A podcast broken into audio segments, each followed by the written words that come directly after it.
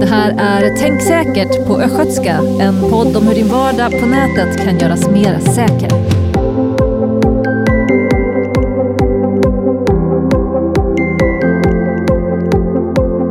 Och den här podden är ett samarbete mellan Linköpings stadsbibliotek, Götabiblioteken, Regionbibliotek Östergötland, Region Östergötland och Länsstyrelsen Östergötland. Och den görs med anledning av MSB och polisens kampanj Tänk säkert. Och jag, jag heter Kristel Walsinger.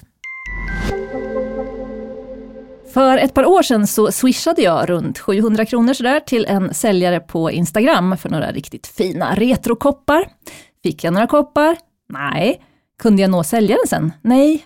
Finns säljaren kvar på Instagram? Nej. Så kan det gå när man är oförsiktig, som jag var. Och I det här avsnittet av Tänk säkert på östgötska så ska vi prata om bedrägerier på nätet. Välkommen Björn Goding. Tackar, tackar. Du är förundersökningsledare inom bedrägeribrott Det stämmer bra det. på polisen i Östergötland. Ja, i Linköping. I Linköping, ja, Ja. precis. Ja. Och det här är säkert sånt du stöter på, även om jag tänker att min lilla fadäs där kanske inte eh, blir polisanmäld så ofta, för jag anmälde ju inte detta. Det är ganska vanligt det du råkar ut för. Ja, Det är många ärenden vi har den slaget. det är, men folk anmäler i alla fall, för jag har tänkt att här har jag varit så dum så att jag gör inte det, men det kanske man borde gjort.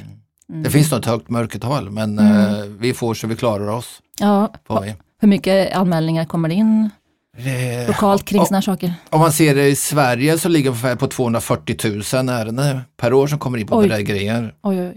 Eh, eller totalt sett på anmälningar. Och, Okej. och var Mm. sjätte utav de här är bedrägerier Ja. av olika slag. Är det på nätet eller generellt? Generellt, Generellt, i hela ja. Sverige är det Ja, så. okej. Ja. Ehm, Men det låter ju väldigt, väldigt mycket. Jättemycket. Och hur ofta kan man utreda och, och lösa sådana här saker? Vi försöker utreda allting som går. Eh, Men det är väldigt svårt att eh, i vissa ärenden att komma fram till vem som är gärningsmannen, vem som ligger bakom. Ja, För mycket sker över internet just nu. ja just det. Ja, det. Du råkade ju själv ut för någonting, berättade du för mig förut. Jajamensan, Så det ja. var, kände att det lättade bördan lite för mig, att även de bästa kan rå, råka ut för Ja. saker. Berätta vad det var. Eh, Fotbolls-EM i eh, Frankrike. Mm. Eh, vi var där och tittade på och då hade man ju jättestora fanzoner som alla kunde gå in och det var betalkort så det var ju jättemycket folk som var där Mm. hela tiden och fan- fanns bara vissa ställen. Eh, när vi var klara där och när jag kom hem så upptäckte jag att jag hade beställt en resa från Charles de Gaulle till Moskva. Av någon anledning, men jag var ju i Linköping. Så vet himla spännande saker Ja. som kan hända. Ja.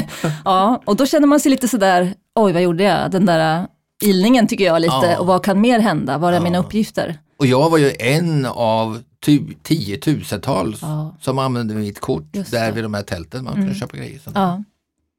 Men du kom helskinnad ur det, verkar det som i alla fall. Ja, det gjorde jag. Tack och lov, och många gör väl det. Men vad, det finns ju många olika typer av bedrägerier på nätet. Hur, vad, vad pratar vi om för någonting? Ja, de som vi har det är ju den här sociala eh, manipulationen. Mm. Gärningsmännen tar kontakt med personer, talar om att man är från eh, säkerhetsavdelningen, banken, covid-19 och man försöker förmå personerna till att logga in med sitt bank-id. Mm. Det är mycket vanligt. Mm. Och romansbedrägerierna, det finns ju vissa program nu som ligger på SVT. Man Just kan läsa det. om eh, romansbedrägeri, en kvinna som är utsatt för det. Och då är det sådana här datingsajter och sånt också, Ja. man eh, liksom blir lurad av att man tror att man eh, ska dejta någon annan än Ja, man faktiskt pratar riktigt. med. Oftast går man inte in kanske på Tinder och Mm. eh, där får man alltså kontakt med någon, eh, vi säger en kvinna. Mm. Och eh, tror att det är en kvinna man har framför sig. Mm. Men sannolikheten för att det är en kvinna där är ganska liten. Ja. Utan det finns i andra länder, de är ute och fiskar bara, Mm. falska foton Mm. och sen så börjar man eh, få någon liten kärlekshistoria där och Mm. tycker, tycker varandra. Och så rätt som det så måste den andra operera knät. ja, just det. Sen blir man av med allting från en halv miljon till flera miljoner. Ja, ja, fy tusan. Och man, och man eh, försöker ofta komma åt det här eh, Mm. godhjärtade människor, tänker jag. Ja. Och så rätt Just som man tömt kontot. Och... Ja. Men Ja. det vanligaste är ju som sagt det är ju annonsbedrägerier, ID-bedrägerier och kortbedrägerier. Mm. Framförallt annonsbedrägerier. Det har vi massor av. Vad sa du, annonsbedrägerier? Annonsbedrägerier. Precis det du, du råkar ut för. Ja, just det. Ja. Sådana sälj... Sälj, säljsajter. Ja. Ja. Hur, vad, vad ska man göra om man upptäcker att man eh, har ramlat in i en sån här situation? Det man ska göra är ju att man får ju polisanmäla uh, själva annonsbedrägeriet och sen måste han spara alla handlingar så att vi kan få de handlingarna för att se vad det är som händer. Mm. För när annonsbedrägeriet sker så, och det är ju lite det tänk säkert, eh, när vi går ut på en sajt och så tycker vi att vi ska köpa en mobiltelefon för 8000 kronor. Mm. Eh, då tar vi kontakt med den här personen. Vi har ingen aning om vem personen är. Mm. Och eh, vi har lite sms-kontakt. Och sen säger han, ja men jag skickar telefonen till dig, vad bra. Mm. Ja, då kan ju du sätta över 8000 kronor till mig.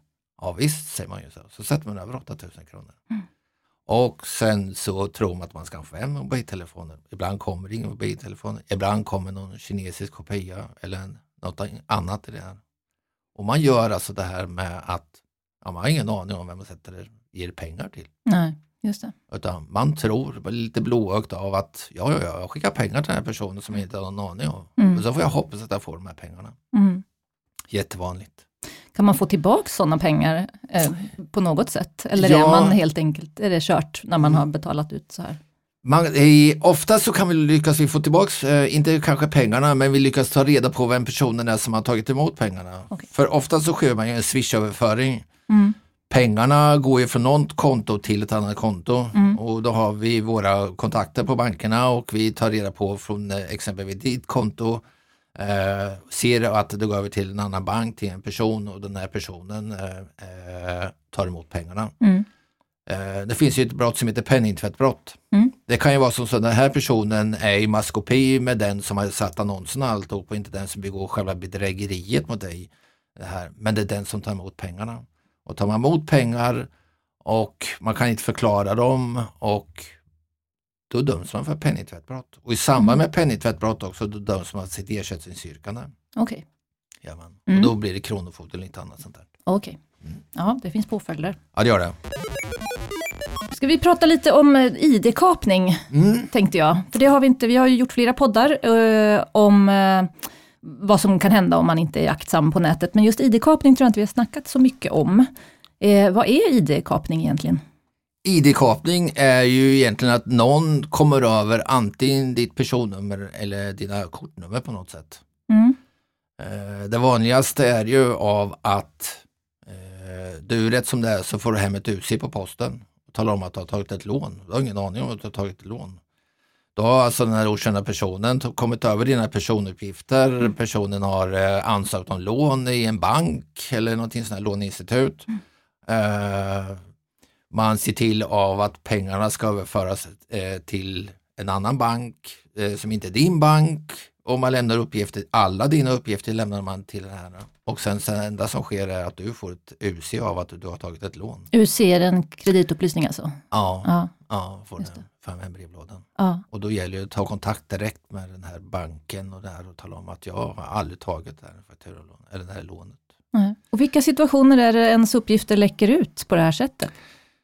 Det finns ju eh, sidor på internet som uh, exempelvis Darknet. Finns en Mm. sida. Mm. Eh, krypterat och jättesvårt att inte komma åt. De säljer miljontals eh, eh, kortuppgifter, Mm. exempelvis du kommer över ditt kort.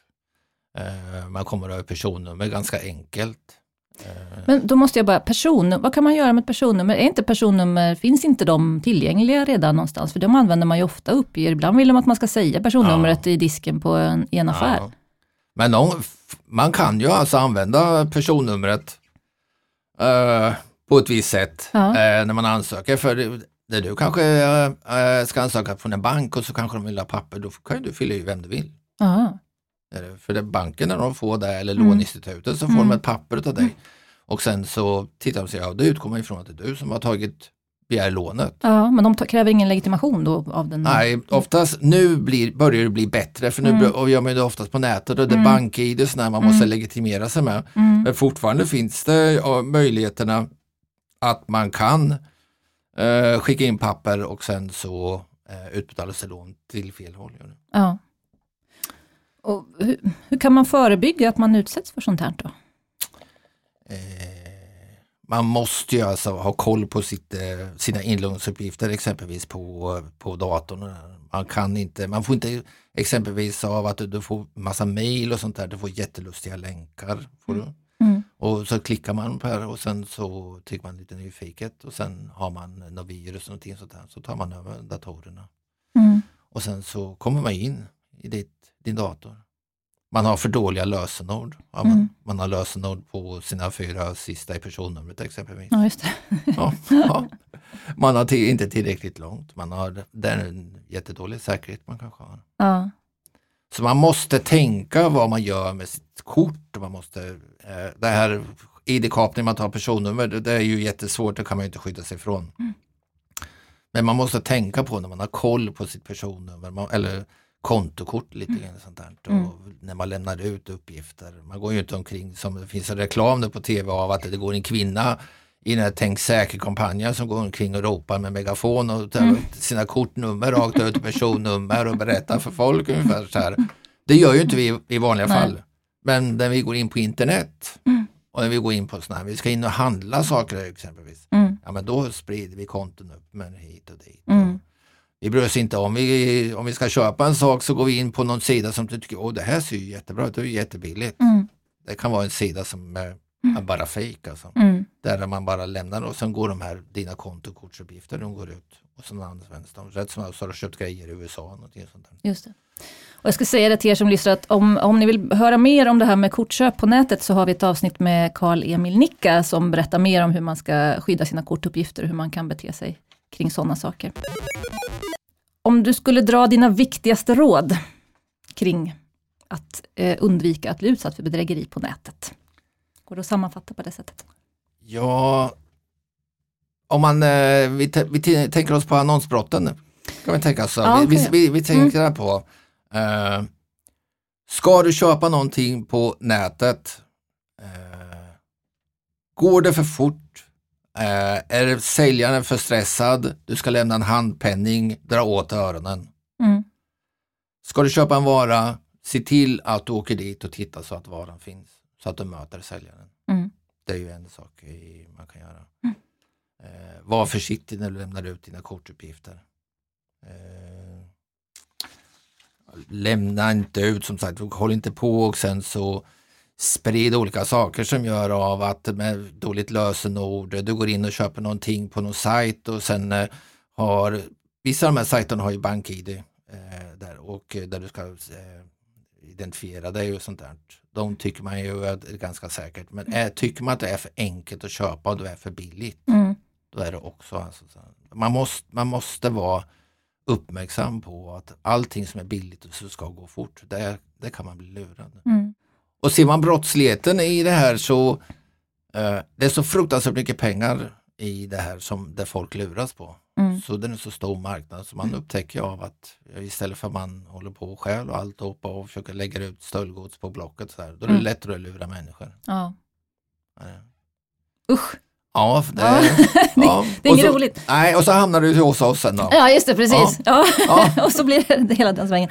Men eh, det känns ju mer och mer som att det, det ligger an på en själv ganska mycket att vara vaksam hela tiden. Och jag tänker det gäller även eh, datingsajter eller lotterier som, som valsar runt. Och, och Facebook är man ju ofta väldigt utsatt på numera också. Alla är på Facebook och det kommer, eh, jag har läst om folk som har fått förfrågningar från från vänner om bankkoder och så tror Ja. de att det är min vän här som Ja. vill ha ut de här koderna för att de behöver plötsligt hjälp med pengar och då vill man ställa upp för sin kompis. Mm.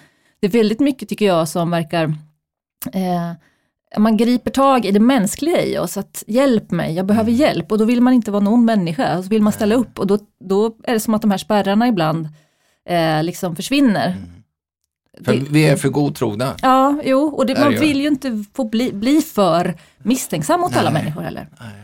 Men så fort alltså det blir någonting av att man ska lämna ut sina lösenord eller av att man, oj, tryck här, du har vunnit någonting. Mm. Ja, men jag har inte deltagit i något. Nej, just det. Nej, man måste tänka efter Mm. innan man går in och gör någonting. För att de, eh, det fiskas överallt där ute Mm. hela tiden. Tack för att du var med i Tänk säkert på Östgötska. Tack så du. Vi lägger lite länkar till eh, mer information så man kan läsa vidare om hur man skyddar sig på Jättebra. nätet från bedrägerier. Ja. Tack, tack. Jättebra. Tack. Och Tänk säkert på Östgötska gjordes ifrån DKV, Digital kreativ verkstad som finns i Stadsbiblioteket i Linköping. Och det är en poddstudio som du själv kan boka och spela in en egen podd i.